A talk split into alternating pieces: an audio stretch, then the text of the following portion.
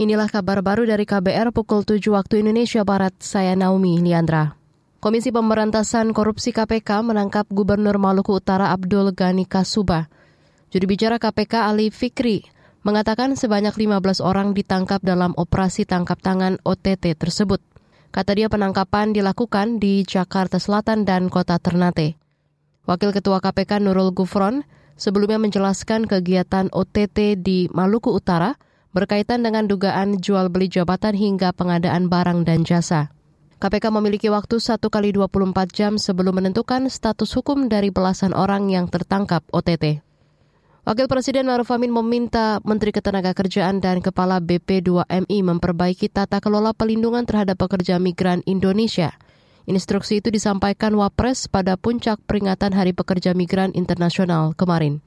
Seluruh instansi dan pemangku kepentingan terkait agar berkolaborasi untuk mewujudkan pekerja migran Indonesia yang berkualitas dan terampil, utamanya tersertifikasi secara internasional.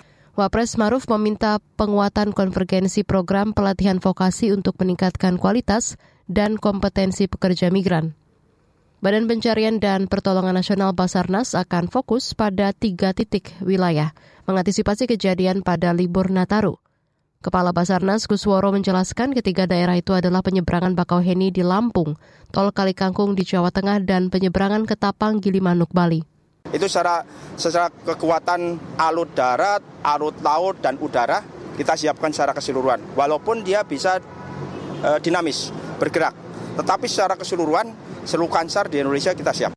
Kepala Basarnas Kusworo mengatakan ketiga titik krusial itu dipilih berdasarkan evaluasi beberapa kejadian pada Nataru tahun lalu. Kita ke berita olahraga. Federasi Sepak Bola Internasional FIFA menunjuk Chile sebagai tuan rumah Piala Dunia U20 pada 2025. Sebelumnya Indonesia dan Singapura sempat berusaha untuk mengajukan hak menjadi tuan rumah Piala Dunia U20. Namun dengan adanya keputusan FIFA itu maka Indonesia dipastikan batal untuk kembali menggelar perhelatan kelas dunia tersebut.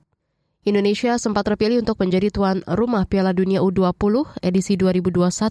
Namun turnamen itu dibatalkan dan dialihkan ke Argentina akibat polemik kehadiran timnas Israel sebagai salah satu peserta.